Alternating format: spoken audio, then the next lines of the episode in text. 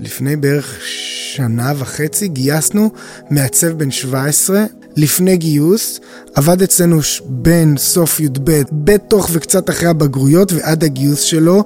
פעם מקרה שילד, אה, תלמיד כיתה י"א, שמע והגיש קורות חיים והגיע לראיון עם אימא שלו. ואנחנו באמת פתוחים ל, ל, לכל סוג של בן אדם, קודם כל שיהיה בן אדם. Press the radio button. Radio, radio, radio היי, hey, אתם על רדיו בטן, אני יהודית אשר. נמצא איתנו היום ניר יוז. היי יהודית. היי. היי המאזינים. ניר הוא VP UX בוויקס, שזה חרוזים. נכון, בגלל זה בחרתי את השם הזה. יש לי המון שאלות מעניינות לשאול אותך, כמו איך הגעת לתפקיד המהמם הזה, אה, מה התהליכי קבלה אצלכם, אבל לפני כן אני רוצה אה, להודות ל Google for Startups Campus, הבית של גוגל לסטארט-אפים שמאפשרים להקליט במקום המדהים הזה. קמפוס נותן לסטארט-אפים הזדמנות לקבל גישה למוצרי גוגל, חיבורים לתעשייה וידע בנוסף לתכניות ואירועים לסטארט-אפים. אנחנו נמצאים כרגע ב Creator Studio שהוא אולפן וידאו ואודיו מקצועי שזמין לסטארט-אפים בחינם. לעוד מידע, היכנסו לאתר שלהם. אז לפני שאני אגיע לשאול אותך את כל השאלות הסופר מעניינות, כמו איך מתנהל תהליכי עבודה אצלכם, איך הגעת לתפקיד המהמם הזה, ומה זה בעצם כל המקום הזה של ה-UI/UX בוויקס. אה, מעניין אותי דווקא להתחיל מסיפור כישרון שכבר הפך למסורת בשאלות. אה, אז קודם כל אני אוהב את השאלה, כי ככל שמנסים, גם טועים, גם נכשלים ומזה לומדים. אה, זה מזכיר לי את המשפט שתלוי אצלנו מול המשרד של המנכ"ל שלנו, של אבישי אברהמי, המנכ"ל והפאונדר של וויקס, ציטוט של מייקל ג'ורדן, שמדבר על כמות הפעמים אלף, אלפי פעמים בהן הוא אה, אה, אה, החטיא זריקות, וכמות ה... כמעט 300 הפסדים בקריירה, וכמות ההחטאות שלו של זריקה בשנייה האחרונה, הוא אומר, נכשלתי כל כך הרבה פעמים, ובגלל זה כל כך הצלחתי. ו... ואני מאוד אוהב את הטרנד היום גם של כל מיני אירועים שבהם מסתפרים על כישלונות, כי בסופו של דבר, באמת, מי שלא עושה, לא טועה, מי שלא טועה, לא לומד, לא גדל. אה, אז הדוגמה שלי, אה, לכישלון היא דווקא ממקום שהוא סוג של משלים את הצד המקצועי שלנו, וזה כל ההתנהלות והקומוניקציה, שאני חושב שהוא חלק אינטגרלי מהצד המקצועי, וזה איזה כישלון אישי שלי. היה איזה בן אדם אה, שעבדתי איתו תקופה, אה, היינו מקבילים, ובכל פעם שהיה איזשהו, איזושהי דילמה מוצרית או איזשהו דיון, זה הוציא ממני דברים לא טובים. זאת אומרת, לא, לא הסתדרנו. וכל חושבת שזה משהו שקורה לכולנו. נכון, אבל זה היה בצורה מאוד קיצונית, כי כל מה שאני גדלתי עליו ומחנך אליו זה כן להבין רגע את העיקר והטפל, וכן לנסות רגע לספור עד עשר, וכן לנסות לנהל את הסיטואציות, וכן לבחור את המלחמות. אה, ובמקרה הזה כל פעם פשוט לא הצלחתי, וזה פגע במוצר, וזה פגע אה, בצוות עצמו, וזה פגע בהתנהלות, וזה זיכרון כזה מאוד uh, ספציפי על מקום מאוד ספציפי. בסוף, כן אחד, כמו שאמרת, זה קורה, אבל הרגשתי מול עצמי שיכולתי לנהל את הסיטואציה הזאת טוב יותר. בסוף הבן אדם כבר לא המשיך איתנו, לא יכול להגיד לך שלא היו לזה השלכות, אבל זה איזשהו סיפור שאני סוחב איתי. כן, האמת שזה, אני גם אה, מתחברת לסיפור הזה. היה לי גם כזה סיטואציה בעבודה של אה, מקרה ש... של מישהו שבאמת פחות, פחות הסתדר שם משהו. ובשיחת אה, משוב עם המנהל שלי, הוא אמר לי שהוא מצפה שאני אהיה המבוגר האחראי. וזה נורא הכעיס אותי, כי הבן אדם הזה הוא פי שתיים בגיל. כאילו, אז למה שאני אהיה המבוגר האחראי? אבל אז כאילו, אתה יודע, אתה חושב על הדברים יום יומיים, ואתה אומר, כאילו, כן, אני אהיה המבוגר האחראי. כאילו, בסוף, כל כאילו... אמ, אני מסתכלת, כאילו אני לוקחת את זה תמיד בחיים, שכל מריבה שלי עם בן אדם, זה אשמתי. לא משנה כמה אותו בן אדם הוא כאילו גם לא בסדר, אז אני מתחברת. כן, זה איך אנחנו אחראים על עצמנו ואיך אנחנו מוצאים את, ה... את עצמנו טוב בסיטואציה. כן, למרות זה בהרבה מקרים באמת באמת קשה. נכון, אבל קורה. נכון. אז בעצם איך הגעת לתפקיד אה, של לנהל את כל ה-UX בוויקס, ו... גם האם זה היה איזושהי החלטה מושכלת של אני רוצה לנהל אה, תהליכים, לנהל צוותים, או שזה איכשהו החיים הובילו אותך לשם? אני חושב שזה סוג של כנראה שילוב בין השניים כמו תמיד. התחלתי ללמוד עיצוב גרפי עם התמחות למדיה אינטראקטיבית בשנקר. התחלתי ללמוד אי שם ב-2002, ב-2004 בחרתי את המחלקת האינטראקטיב קראו לזה אז, עוד לא היה UX ו-UI, אחד השנתונים הראשונים. מדהים שלפני 15 שנה כבר היה שם אה, אה, מסלול אינטראקטיב. אני, אני חושב שבכלל המחלקות משתנות עם הזמן, מנסות דברים חדשים וחוזרות. אני חושב אז, מניסיוני האישי, זה היה מאוד נכון. אה, אולי נרחיב על זה קצת אה, באמת בהמשך. משם הגעתי אחרי לימודים ישר לאמדוקס, אה, לקבוצת ה-Experience Design Center בתור מעצב אינטראקטיב. הייתה שם... מעצב אינטראקטיב, אתה מתכוון מעצב UI, ב... UX של היום? ב... כן, היום זה היה נקרא מעצב מוצר או מעצב יפה, UI, UX. יפה, זה ממש מרשים ישר מהלימודים, להגיע כבר לעצב מערכות ו... כן, היה יפה. סופר מעניין. אני מאוד התחברתי, כמו גם בלימודים, לשני הצדדים, לא רק ל-UI ול-UX, שהיום עדיין מופרד באמדוקס ובהרבה מקומות אחרים. גלשתי גם לאזור של ה-UX, הייתי שם בחמש שנים מאוד מעניינות ומלמדות, ואחרי חמש שנים ככה אמרתי, אוקיי, היה לי מאוד מעניין לעבוד על הרוחב ולהיות מספר 2 בצוות, ומאוד חיפשתי גם את המוצר עצמו, מוצר אחד לחפור לעומק, וגם כנראה באזור הזה נולד לי איזשהו רצון או הבנה שאני יכול או רוצה לנסות להוביל גם את התחום, וראיתי שחבר שלי שלמד איתי בשנקר פרסם שמחפשים בוויקס, אמ, התראיינתי והתחלתי לעבוד בוויקס. אמ, לא היה אז הגדרה של איזשהו סטודיו ל-UX, זה היה סטודיו עיצוב שעדיין קיים היום, אז הוא היה עשרה אנשים, היום הוא מונה 150. רגע, אז התקבלת ל-UX בתפקיד של מנהל? בת, לא, בתפקיד של... אה, עם הבנה שיש פה איזושהי קבוצה שמתעסקת ב-UI וב-UX, שם זה כבר היה טיפה יותר מוגדר, אה, עם אפשרות ורצון לבנות צוות יותר גדול. לא האמנתי שתוך שמונה שנים נגיע ל-130 מעצבי UX UI בצוות הזה. לא, לא היית בכלל בסטודיו שלהם, רק חשוב לעשות את ההפרדה, כי יש את הסטודיו שהם מעצבים שם את הטמפלטים, אלא ישר נכנסת לעולם של יותר המערכת, בעצם המערכת של וויקס. אה, נכון, הסטודיו אחד הוא יותר מהטמפלטים, הוא גם אזור ה marketing וה broadcast, ובאמת אותם טמפלטים מהם אחרי זה משתמשים, וה brand כמובן. אה, וה-UX הוא יותר אפיון ועיצוב כלל מוצרי החברה, בעצם אחריות על הצד הוויזואלי, פונקציונלי והתנהגותי שלהם. ונכנסת לשם כמעצב מספר? Uh, היו עוד שני מעצבי UI UX. נכנסת ממש בהתחלה ובעצם הלכת והקמת שם את הצוות המטורף, שאתה אומר שאתם היום 100? אנחנו היום ב-125 מעצבי UX UI בגילדה של ה-UX. איך בכלל מנהלים כזה דבר, uh, שיש בו כל כך הרבה מעצבים? איך, איך עובדים התהליכי העבודה, ומה זה הגילדה שיוצא לשמוע פה ושם כן. אה, מאנשים שעובדים ב-UX? אז uh, בשביל זה אנחנו צריכים ללכת קצת להיסטוריה, בערך איזה חמש-שש שנים אחורה, שהיינו עוד ארגון יותר קטן, סטארט-אפ כבר מאוד גדול של מעל 200 אנשים, עם קצב גדילה מאוד גדול של בערך 40 אחוז כל שנה, וידענו שנהיה אלף איש, ורצינו לשמר את אווירת ואת ה, את ה, את הפאן ואת, ה, ואת הנשמה ואת האווירה של הסטארט-אפ. Uh, ואמרנו באיזשהו... זה באמת בתור הלצה, שיש לנו אנשים טובים שיודעים לנהל קבוצות של עד 100 איש, פשוט בואו נחתוך את החברה של 1,000 איש לעשר קבוצות יותר קטנות, וככה נוכל לנהל. בפועל זה לא באמת המודל המלא, אה, באמת חילקנו, חולקה החברה ל-companies או קבוצות יותר קטנות. בעצם הרבה סטארט-אפים קטנים תחת המטריה של וויקס, ואז אמרנו, אוקיי, הסטארט-אפים האלה, יש בהם את כל הדיסציפלינות השונות שיושבות בתוך החברות, עובדות ביחד עם מינימום של תלויות בקבוצות האחרות ומפתחות מוצרים,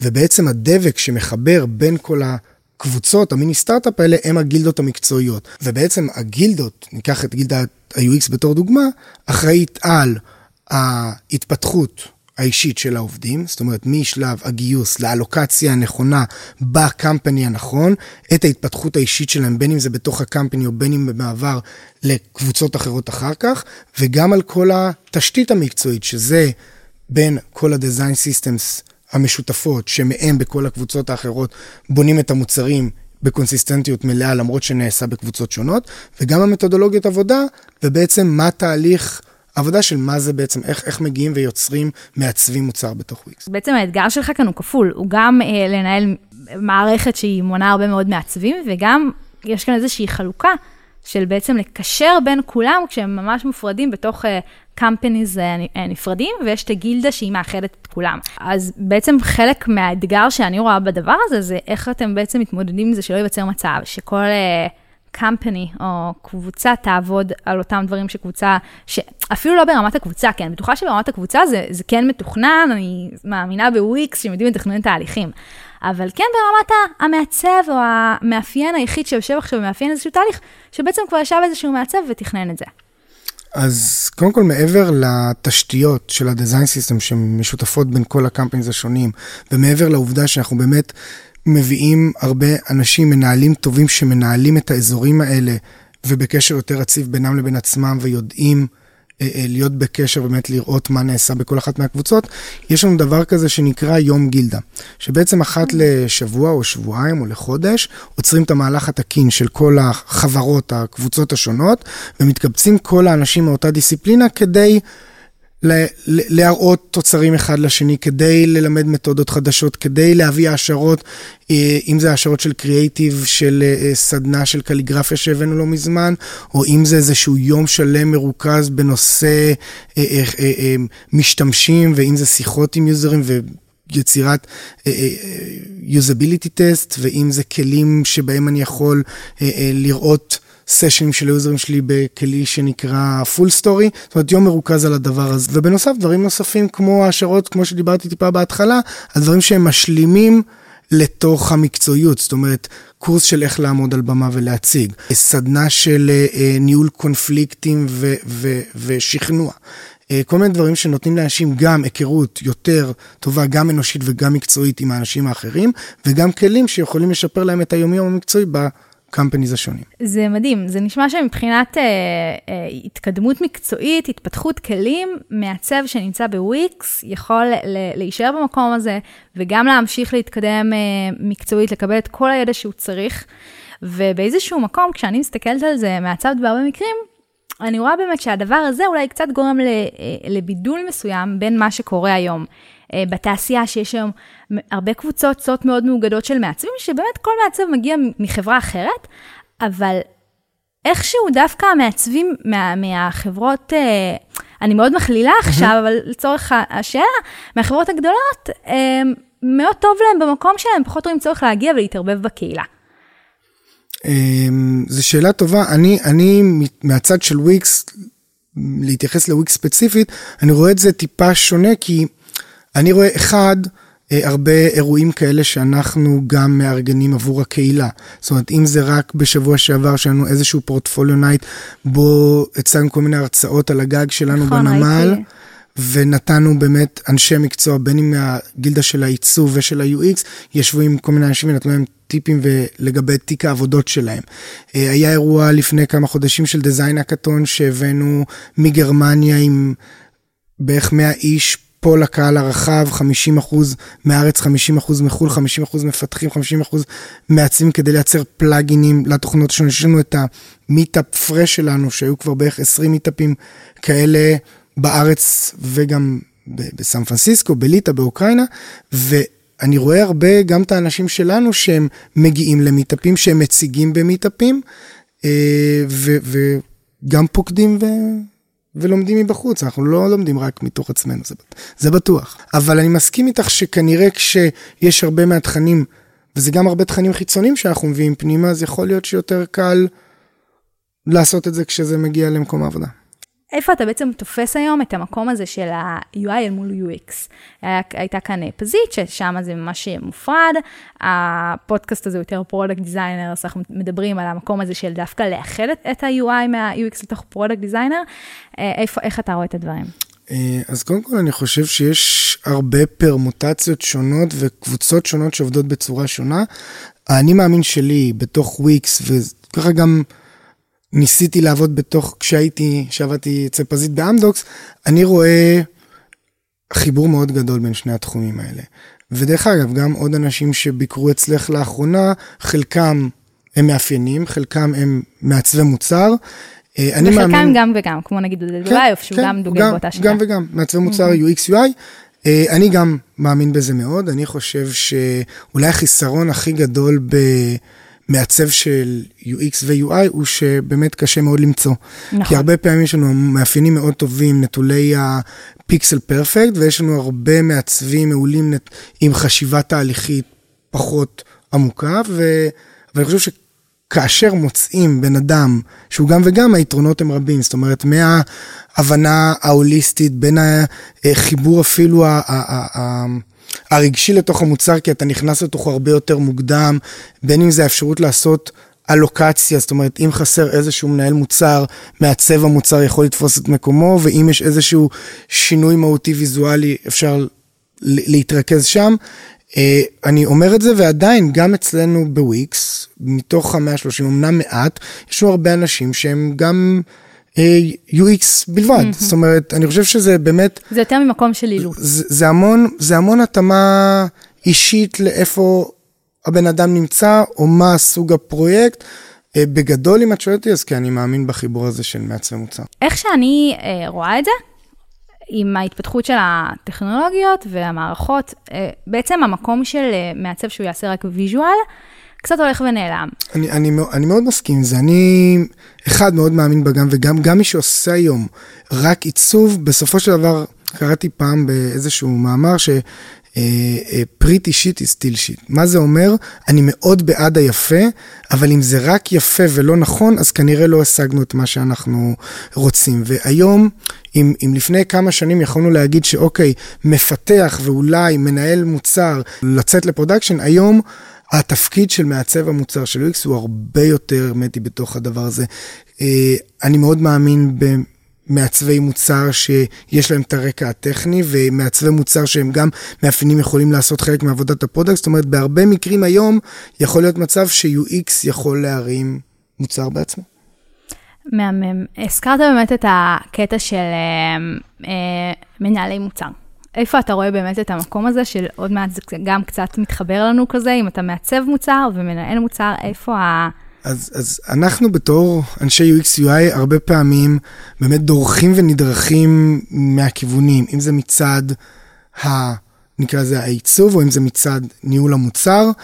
אמ, והרבה פעמים באמת נשאלת השאלה הזאת בכלל, איפה עובר הגבול הזה בין מנהל מוצר לבין UX UI, ובהרבה מהמאמרים, לפחות שאני קראתי, הרבה מהדיון הוא שמנהלי מוצר אחראים על המה, ומעצבי מוצר אחראים על האיך. ו- ו- ואני אני כן, שוב פעם, דוגל בהרחבת היריעה כל הזמן, ואני חושב שגם בתוך וויקס אנחנו מחפשים מעצבי UX UI שיודעים גם את המה, ומנהלי מוצר שכן יודעים לעשות את האיך, ואפשר לחשוב שבאמת אז יהיו יותר באמת דריכות ויותר אכלו לי, שתו לי, זה ה ownership שלי פה וזה האחריות שלי, אבל אני באמת טוען שהשאלה היא פחות... איפה עובר הגבול, אלא באמת הגבול בין מה למה, כי ברגע שיש לנו איזושהי מתודולוגיה מוגדרת, שכולם ביחד חדורי מטרה על מוצר ויודעים מה צריך לעשות, עצם העובדה שיש יותר אנשים טובים בתוך המערכת, זה רק יתרון שיכולים ללמוד וללמד אחד את השני. אז, אז אני באמת... אז אתה רואה את...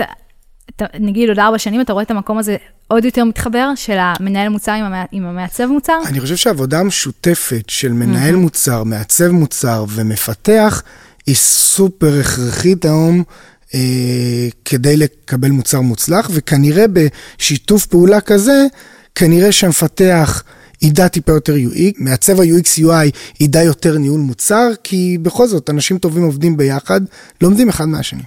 אני אחזור למכלול הזה של כל הניהול של הגילדה של ה-UX. איזה עוד תפקידים יש לכם שם מעבר ל-UI, מעבר ל-UX? אני זוכרת שהייתי באיזה שהיא הרצאה ב Startup Designers, שמישהי אצלכם סיפרה שהיא פרוטוטייפ. כן, פר, פרוטוטייפר. פרוטוטייפר. אז איזה עוד כאלה מקצועות מגניבים יש לכם? אז קודם כל, כמו שאמרנו, רוב האנשים יושבים ב companies השונים, ויש קבוצות ממש UX בקבוצות השונות. יש לנו גם קבוצה אחת שיושבת ברוחב החברה, שנקראת UX Hive, שבעצם אחראית על עזרה גם של UX לכל מיני קבוצות שונות או מוצרים אסטרטגיים שצריכים עזרה, ובאותה קבוצה יש עוד כל מיני באמת תתי דיסציפלינות שונות שמשלימות את היריעה הזאת של UX ו-UI. אה, אם אני אחזור לדבר באמת על הדיסציפלינות השונות ששאלת, אז יש לנו באמת את האנימטורים, ויש לנו אילוסטרייטורים, מאיירים שמייצרים איורים ואייקונים למוצרים השונים, ויש לנו, כמו שהזכרת, את ה prototypers, שמבחינתי זה, זה, זה אזור סופר מעניין, אזור די חדש, יש לנו, מי שדיברת עליה, שראית אותה במיטאפ, קוראים לה שחר, היא מובילה אצלנו את נכון. התחום הזה. יש לנו היום ארבעה prototyperים בוויקס, אפשר לקרוא לזה מפתחי UX, או יש שמות שונים בתעשייה בחברות שונות, שבעצם רוב התפקיד הוא לייצר איזשהו הדמיה של סביבת המוצר האמיתית בקוד, כדי לבחון דברים הרבה יותר מוקדם בתוך התהליך. זאת אומרת, במקום עכשיו לפתח מוצרים, להוציא אותם, לבחון אותם למשתמשים ורק אז להבין, אוי, אולי זה לא היה הבחירה הנכונה, אפשר לייצר הדמיות כאלה שהן ב prototype טיפה יותר מורכב מ prototype שעושים היום ב Principle או באיזשהו InVision flow, ולייצר באמת בדיקה אמיתית של התנהגות רחבה יותר, שמדמה את המוצר, נוכל לבחון את זה בין עצמנו, נוכל לבחון את זה עם מנהלי מוצר, נוכל לבחון את זה עם ההנהלה, נוכל לקבל, נוכל לבחון את זה גם במבדקי שמישות עם userים אמיתיים כבר, ולקבל החלטות הרבה יותר מושכלות בשלב הרבה יותר מוקדם. אז זה שלב שבעצם מפתחים רק את ה front-end כביכול, רק את כן. הזה, ושמים database, כאילו בלי database אה, מורכב מאחורה. אה, מגניב. בהקשר לחיבור המאוד מאוד חשוב בין מפתחים למעצבי מוצר, מזכיר לי סיפור, הייתי לפני מספר שנים באיזשהו כנס UX, ב-UX Salon, והגיע אה, בחור שקוראים לו דון לינסי, שהוא סיפר על אה, מערכת היחסים שלו עם סטיב ג'ובס, הוא עבד באפל, וזה היה סופר מעניין, והרגשתי צורך להביא אותו לוויקס, שיפגוש קצת את ההנהלה. מסתבר שדון לינסי, הוא היה design director גם באפל וגם במייקרוסופט, בשלבים שונים בקריירה. ואחת השאלות הראשונות שעלו הייתה, איך היית גם פה וגם פה דיזיין דירקטור, והמוצרים של אפל הם ברמה כאילו כל כן. כך גבוהה, מטורפת, והמוצרים של מייקרוסופט הם קצת שונה. נכון. והוא אמר, תתפלאו לשמוע, אבל בשתי החברות האלה היו את מנהלי המוצר ומעצבי ה-UX/UI הכי טובים שיש בתעשייה. ההבדל הכי גדול היה באינטנט של המפתחים לפיקסלים. זאת אומרת, בחשיבות שהמפתחים ראו לא רק בהנה המוצר מוכן, אלא באמת היה חשוב להם איך וואו. הוא יתנהג. ואני חושב שהיום הקרבה הזאת בין המפתח למעצב שאנחנו מייצרים בתוך הקמפניז אצלנו כדי ליצור את החיבור הזה, וכן הפרוטוטייפרים שלנו, שהיום יש לנו קורס של HTML CSS לכל המעצבים, עוזר לחיבור הזה בין שתי הדיסציפלינות. סיפור מדהים, ואני כל כך מתחברת לזה, אני בטוחה שכל מעצב שמעצב בחברה ועובד מול מפתחים מכיר את הסיטואציה הזאת של, כאילו, אני מעצבת משהו יפה, ולמה אתם לא יודעים כאילו באמת לעשות את זה כמו שצריך? זה באמת בסוף, כאילו, אנחנו יכולים להשאיר את הפיגמות, הסקאט שלנו בעיצוב הכי מדהים, אבל אם המפתח לא ילך וידייק את הפיקסלים, אז זה לא ייראה ככה. אני חושב שבסופו של דבר זה מקצר ומייעל את התהליכים, כי יש הרבה פחות UX QA בקצה, ויש הרבה יותר הבנה של UX את המפתח ואת המפתח את ה-UX. אז איך בפועל אתם גורמים לחיבור הזה לקרות? אז קודם כל, בתוך התהליך עבודה של, בתוך התהליך עבודה שלנו, בשלב של העבודה אחרי העיצוב ובהטמעה של הפיתוח, המפתח וה-UX עובדים ביחד. אה, יש לנו היום גם קורסים לכל המעצבים בגילדה, בהם הפרוטוטייפרים שלנו מעבירים קורס ב-HTML CSS, בשאיפה להביא את כל הגילדה לידע לא רק בסיסי, אלא יותר מורכב בקוד, כדי שהדיון והשיחה והשיח בעצם בין מעצב למפתח יהיה ברמה... זה כבר קורה? כלומר, יש היום ממש אצלכם כבר מעצבי אה, UX שפשוט... כבר יוצרים את ה prototype הראשוני, שזה איזשהו קוד? בדיוק היום אה, נשלח המייל ש-80% מהגילדה כבר עברו את הקורס HTML CSS הבסיסי, והקורס הבא שלנו נעשה לצוות שלנו בליטא. טוב, מעניין באמת לאן באמת גם החיבור הזה של מעצב, שהוא גם צריך אה, אה, להיות מאפיין, גם research, גם קוד, כאילו, מה רוצים איתנו? מה, מה עוד צריך בתוך התהליך? אז איפה בעצם נכנס המעצב UX, שחשוב לי לחדד אתם קוראים לו UX, אבל הוא product designer לכל דבר. זה בערך, נכון מאוד. דרך אגב, כל זה קרה אי שם ב-2000 ו... אה, סוף 2011, תחילת 2012, שהגעתי, אוקיי, עכשיו זה נהייתה קבוצה. איך נקרא לה, ו-UX היה Buzzword מאוד חזק. כן. אוקיי, אז מאז אנחנו היינו סטודיו UX שהפך לגילדת ה-UX, אבל בפועל זה UX ו-UI, Product Design כמובן. יאללה, תשקול לשנות את השם. גם היום בהגדרת תפקיד שלנו באתר, אז אנחנו רואים Product Designer בסוגריים UX and UI. אה, אוקיי, כן. יפה.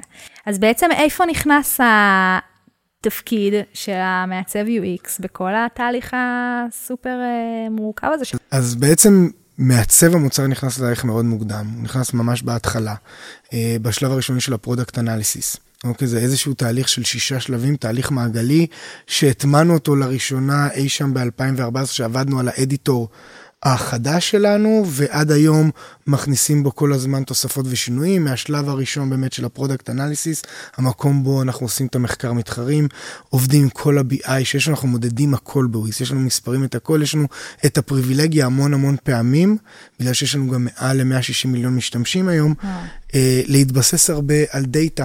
ולאו דווקא על, רק על assumptions. אז יש המון מידע מה support, מה ה user מבקשים, עם מה הם לא מסתדרים, המון מידע מה-BI, אה, הבנה בשלב הזה של אה, מה נקודות הכאב של המוצר, מה אנחנו רוצים שיהיו המטרות, ומייצרים איזשהו project plan.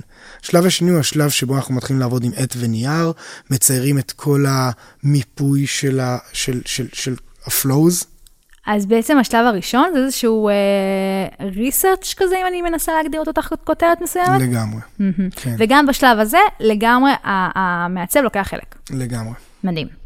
אה, בשלב השני, גם בשלב של העד והנייר, המון סקיצות מהירות, מציירים את כל ה-user flows, איך שאנחנו מבינים בשלב הזה, בשלב הזה כנראה נבין בערך 70% ממה שאנחנו מדמיינים שיהיה המוצר, המון סקיצות, אף פעם לא נתאהב בסקיצה הראשונה, אם נרצה לשכנע מישהו, נשכנע אותו ביצירת סקיצה משלנו, ולא, הסקיצה שלך לא טובה כי, נייצר איזשהו story frame או איזשהו low fidelity wireframes, נעבור לשלב השלישי, אה, בשלב הזה, של ה wireframes, שזה ברור שזה לגמרי, אתה יודע, המקום שלכם, מי עוד שותף מהצוות אה, מוויקס?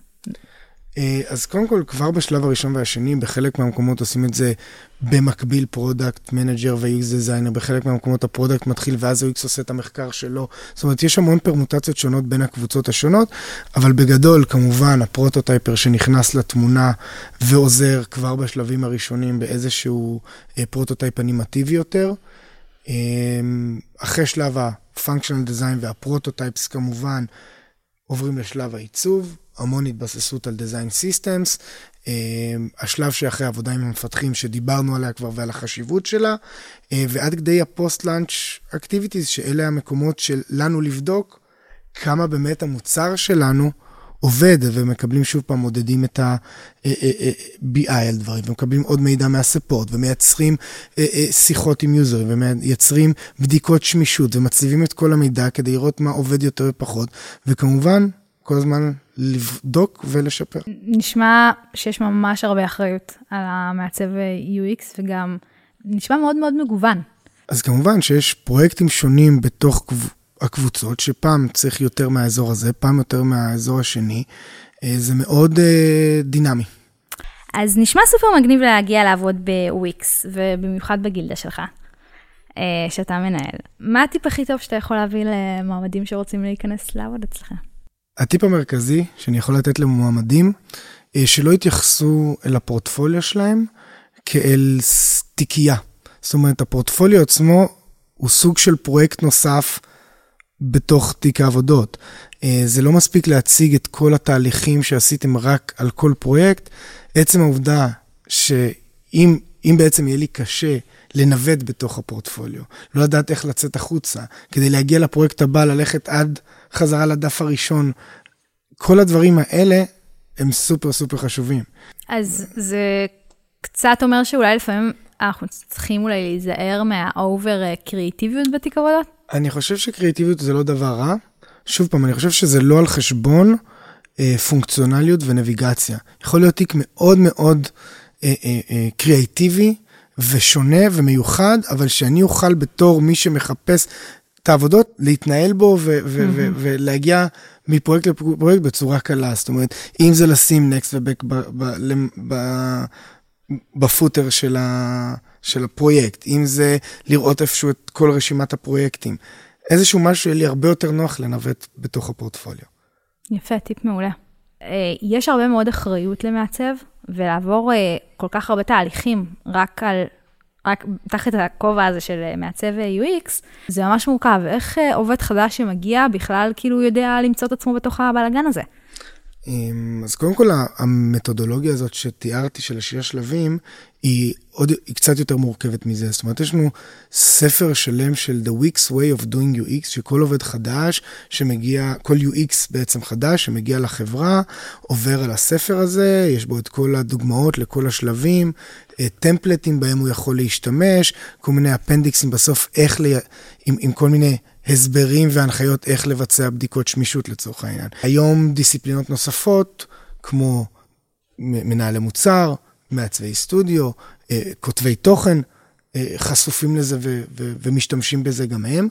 אה, זה ממש ספר שאתה מקבל ויושב אז, וקורא אז, אותו? אז הספר הוא דיגיטלי, בפורמט שהוא פעם היה איזשהו קובץ דוק או PDF, היום זה כבר knowledge base הרבה יותר שלם, עם מערכת חיפוש מובנית, שבתוכו אני יכול להגיע בקלות לכל מיני לינקים לוידאוים מתוך הימי גילדה שדיברנו על הנושאים האלה. אה, זאת אומרת, איזושהי מעטפת רחבה שהיא מתאימה גם למעצב UX חדש שמגיע ועובר עליו פעם אחת, וגם לכל מי שנתקל באיזושהי סוגיה או שאלה או בעיה על פרויקט ספציפי, יכול לחפש ולקבל את כל התכנים הרלוונטיים. כמה זמן בפועל יושב על זה מעצב חדש שנכנס אליכם?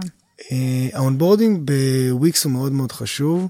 בן אדם מגיע לתוך company מסוים בארגון גדול, onboarding יכול לנוע בין שבועיים לשלושה, לחודש, תלוי בתפקיד, תלוי בקבוצה. ה onboarding הוא משולב בין תכנים שאותו company, אותו מיני סטארט-אפ מגדיר, ותכנים שהם פנים גילדה, להכיר את התהליכים, להכיר את ה-design system, להכיר את המתודות, להכיר אנשים משמעותיים שיעבוד איתם מתוך הגילדה. משהו באזור נעמם. חודש. אני רוצה קצת לקחת את זה לנושא אחר, שאני מאמינה שהרבה מאוד uh, מעצבים שאולי הם יחידים ככה בחברה, יתחברו באמת לשאלה הזאת יותר. אני מאמינה שבמהלך הקריירה היה לך הרבה מאוד רעיונות כאלה, פורצי דרך שרצית להכניס ולהכיל לוויקס ולראות איך אתה באמת משלב את זה. איך בפועל הגעת עם איזשהו ניצוץ, רעיון שהיה לך בראש, איך אתה בפועל מוציא אותו מוציא, גורם לזה לקרות וגורם למנכ"ל או לאנשי מפתח המשפיעים להאמין ברעיון שלך. קודם כל, אני חושב שחשוב להבין מול מי אתה עומד. ואנשים שונים אה, תופסים דברים אחרת, וההסבר או הנימוק או צרת ההגעה היא שונה. הדבר השני, הוא מה שאני אוהב לפחות לעשות, זה קודם כל להתחיל עם ה-bottom line. להתחיל רגע עם ה... אוקיי, זה מה שאני רוצה להציג, ולא עכשיו לבזבז זמן יקר לאנשי מפתח עם הסבר של חמש דקות, עשר דקות, עד שאני מגיע למסקנה עצמה. להתחיל עם מסקנה ואז להסביר. בבטם ליין הדבר הזה והזה אני חושב שצריך לקרות, ואז להתחיל ולהסביר. Mm-hmm. כי 1, 2, 3, והנה מצגת, והנה איך זה עובד היום מול איך אני רוצה שזה יתנהג, ואז אני, קודם כל כבר גורם לקשב הראשוני, כשיש את ה... מטרה מול העיניים. אני כן גורם גם לעיניים לראות את מה קיים היום מול מה אני רוצה ולהראות דרך זה את השיפור. אני חושב שברוב המקרים כזה דבר עשוי לעזור. אה, איזה סוג אנשים אתם אה, מחפשים? אתם דווקא אנשים עם אה, תואר, פתוחים להכל? אני חושב שאנחנו מאוד מאוד פתוחים להכל. אנחנו אף פעם לא מסתכלים על תואר כדבר הכרחי. יש הרבה אנשים שהתואר עזר להם ונהיו דרך זה מעצבים טובים. יש לנו המון אנשים שהם אוטודידקטים שלימדו את עצמם. אה, מאז שאני, אני זוכר, מאז שאנחנו חמישה מעצבים בצוות, אנחנו כבר במינוס 15. זאת אומרת, אנחנו תמיד בחוסר ותמיד מחפשים, אז זו באמת הזדמנות טובה שכל מי שמחפש מוזמן לשלוח אה, אה, קורות חיים ותיק עבודות. אנחנו מחפשים תמיד, בגלל שיש לנו, נקרא לזה פירמידה ניהולית בקבוצות השונות, אז תמיד אנחנו נחפש גם אנשים מאוד סיניורס ומנהלים, וגם אנשים אה, צעירים, חדשים לתחום, יהלומים לא מלוטשים. יפה. אני תמיד נותן את הדוגמה שלפני שנתיים בערך, אה, גייסנו באותו זמן גם ראש מגמה בבית ספר לעיצוב, ובאותו זמן את הסטודנטית המצטיינת של אותו שנתון. אה, לפני בערך שנה וחצי גייסנו מעצב בן 17, לפני גיוס, עבד אצלנו בין סוף י"ב. בתוך וקצת אחרי הבגרויות ועד הגיוס שלו ליחידה סודית ומובחרת, ואנחנו בקשר איתו ומצפים לראות אותו גם אחרי השחרור. פעם מקרה שילד, אה, תלמיד כיתה י"א, שמע והגיש... אה, אה, אה, הגיש קורות. חיים והגיע לראיון עם אימא שלו. אבל אנחנו באמת פתוחים ל, ל, לכל סוג של בן אדם, קודם כל שיהיה בן אדם, ואחר כך שעל הדרך במקרה או שלא יהיה גם מעצב טוב מאוד. דבר ראשון זה מהמם שאתם ככה פתוחים. פעם, אני מבינה שתואר הוא לא הכרחי. איפה אתה בעצם באמת רואה את המקום של האקדמיה? כולנו מכירים את הצדדים המאוד מאוד חיוביים של, של באמת ללכת ולעשות תואר, אבל יש גם מקומות שזה פחות עובד. אני יכול להגיד לך קודם כל על עצמי, לי התואר עזר. הוא אומר אותי הרבה יסודות, טיפוגרפיה וצבע, ואפילו תולדות אומנות ודברים כאלה. זוכר שלימדו אותי אנשים כמו אורי הר ונועה ביקובסקי, שעדיין חלק מאוד משמעותי מהתעשייה. אמ, אני יודע שבן, בן חורין שמוביל את התחום בשנקר והיום עובד בוויקס, הוא איש מקצוע מהטובים שיש. אני פשוט עדיין חושב שיש מקומות בהם אנשים שהם לא באמת חלק מהתעשייה, מנסים ללמד את התעשייה בתוך בתי כן, הספר, שאלה טובה. והמקרים האלה לדעתי פחות עובדים. אני לא, אני חושב שכן צריך ללמד לא רק תעשייה בבתי הספר, אבל על פניו אני מסתכל על העובדים שלנו, אז יש לנו מלא מעצבים שהם הגיעו מבתי ספר לעיצוב, יש לנו מעצבים שמגיעים מסוג של אה, אה, אה, אה, בתי ספר נוספים כמו נטקראפט וקריאייט, יש לנו אנשים שמגיעים אחרי שהם למדו בעצמם, זאת אומרת זה אף פעם לא תנאי, וכנראה שיש, פשוט צריך להיות אנשים טובים. הדרך שבחרת, כנראה שאם אתה טוב, אתה, אתה, אתה תצליח בכל אחת מהשיטות האלה. לגמרי.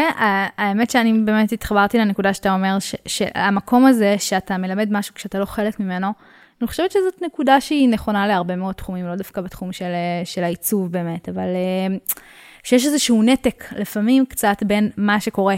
בפ... מהצורך היומיומי הבסיסי שהיום באמת חברות הייטק מחפשות, סטארט-אפים מחפשים, לבין מה שבאקדמיה קצת מלמדים אותך שמחפשים. אה, שמע, אני חושב שיש המון דברים באקדמיה שמלמדים טיפה דברים שהם לאו דווקא הביזנס, ושזה גם מאוד חשוב. אני אומר, אבל ברגע שאתה מלמד את התעשייה, אתה חייב להיות חלק ממנו. ויש הרבה אנשים כאלה, אה, כמו שגם, אתה יודע, יש יתרונות וחסרונות לכל דבר. אני חושב שיכול להיות ש...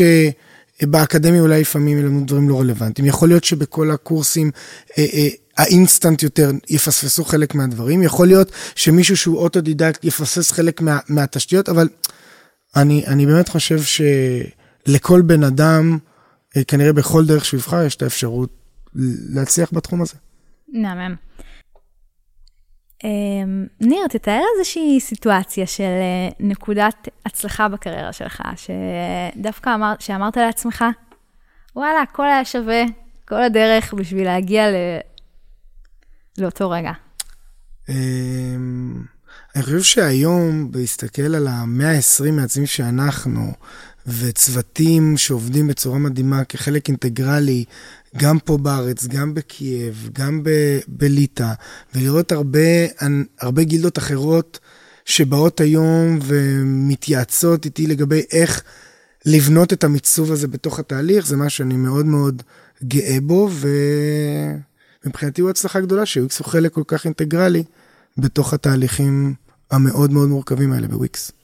Uh, וואו, האמת מדהים, ולחשוב על זה שלפני שמונה שנים היית המעצב השלישי שנכנסת, שנכנס לוויקס. ל-UX. ל-UX בוויקס. Uh, זה מטורף ומדהים, ואיזה כיף זה להיות בכזה מקום מהמם. Uh, נראה לי שזה חלום כזה של כל מעצב להגיע ולהיכנס uh, עוד בהתחלה ולגרום לדברים גדולים לקרות. Uh, ניר, משפט אחרון uh, לסיום. אז קודם כל היה לי מאוד כיף. תודה.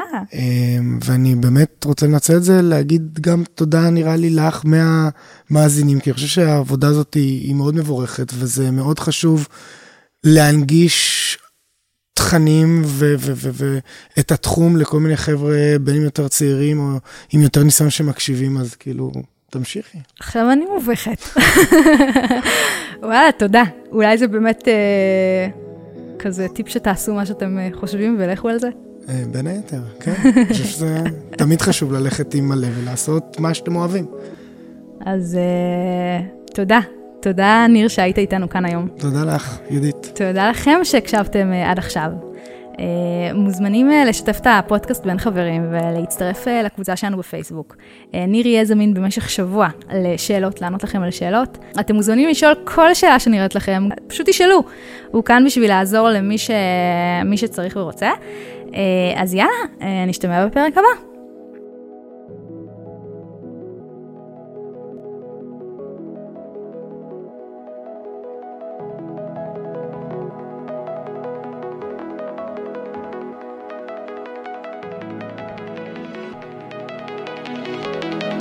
Press the radio button. Radio, radio, radio.